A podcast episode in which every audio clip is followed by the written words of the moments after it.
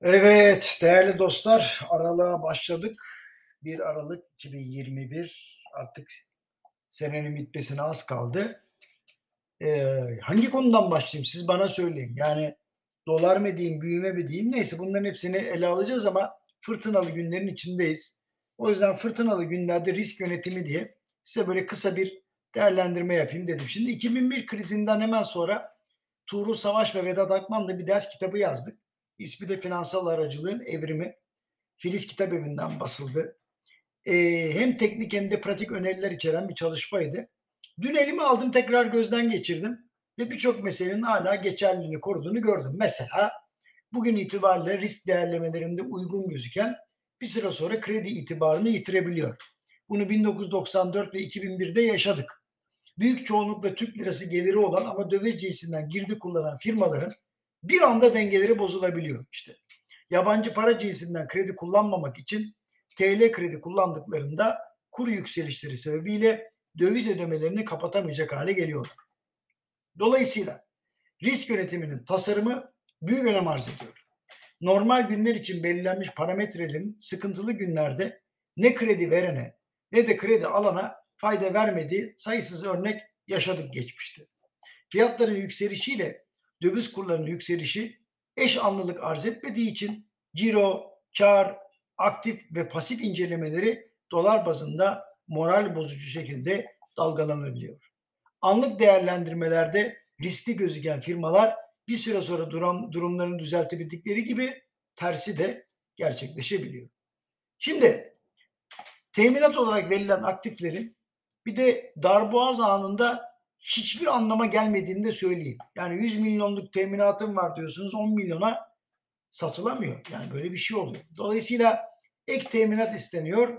E, ek teminatta ne yapıyor? Sürtünmeyi arttırıyor vesaire vesaire.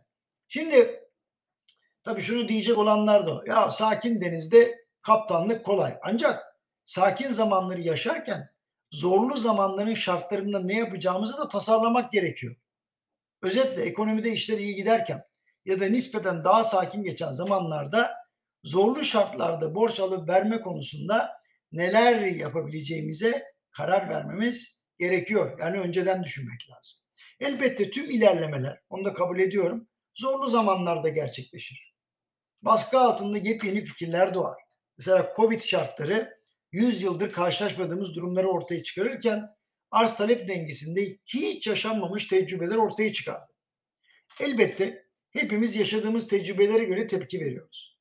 Daha önce tecrübelerde ise maalesef yine geçmiş yaşadığımız durumlara göre karar veriyoruz. Yani daha önce hiç yaşamadığımız şeylere maalesef yine kendi dağarcığımızdan tepki veriyoruz. Dolayısıyla verdiğimiz kararlar bazen gerçeklerden uzak kalabiliyor. Onu da söyleyeyim. Şimdi bu sebeple risk yönetiminin olmazsa olmaz standart ve temellerini mevcut piyasanın gerçeklerine göre modifiye etmek, kalan tarafı da profesyonellerin maharetine bırakmak lazım.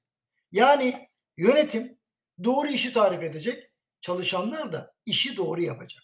Daha detaylı şekilde ifade edersek yönetim esnek, hızlı, isabetli, kullanışlı ve finansal açıdan anlamlı bir tasarım ortaya koyacak ki söz konusu tasarım profesyonel tarafından profesyoneller tarafından düzgün şekilde kullanılsın.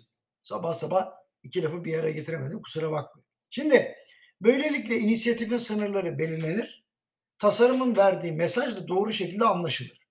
Yani standart şablonlar ya da duruma göre gevşetilen prensiplerle kusura bakmayın bu süreci sağlıklı aşamayız.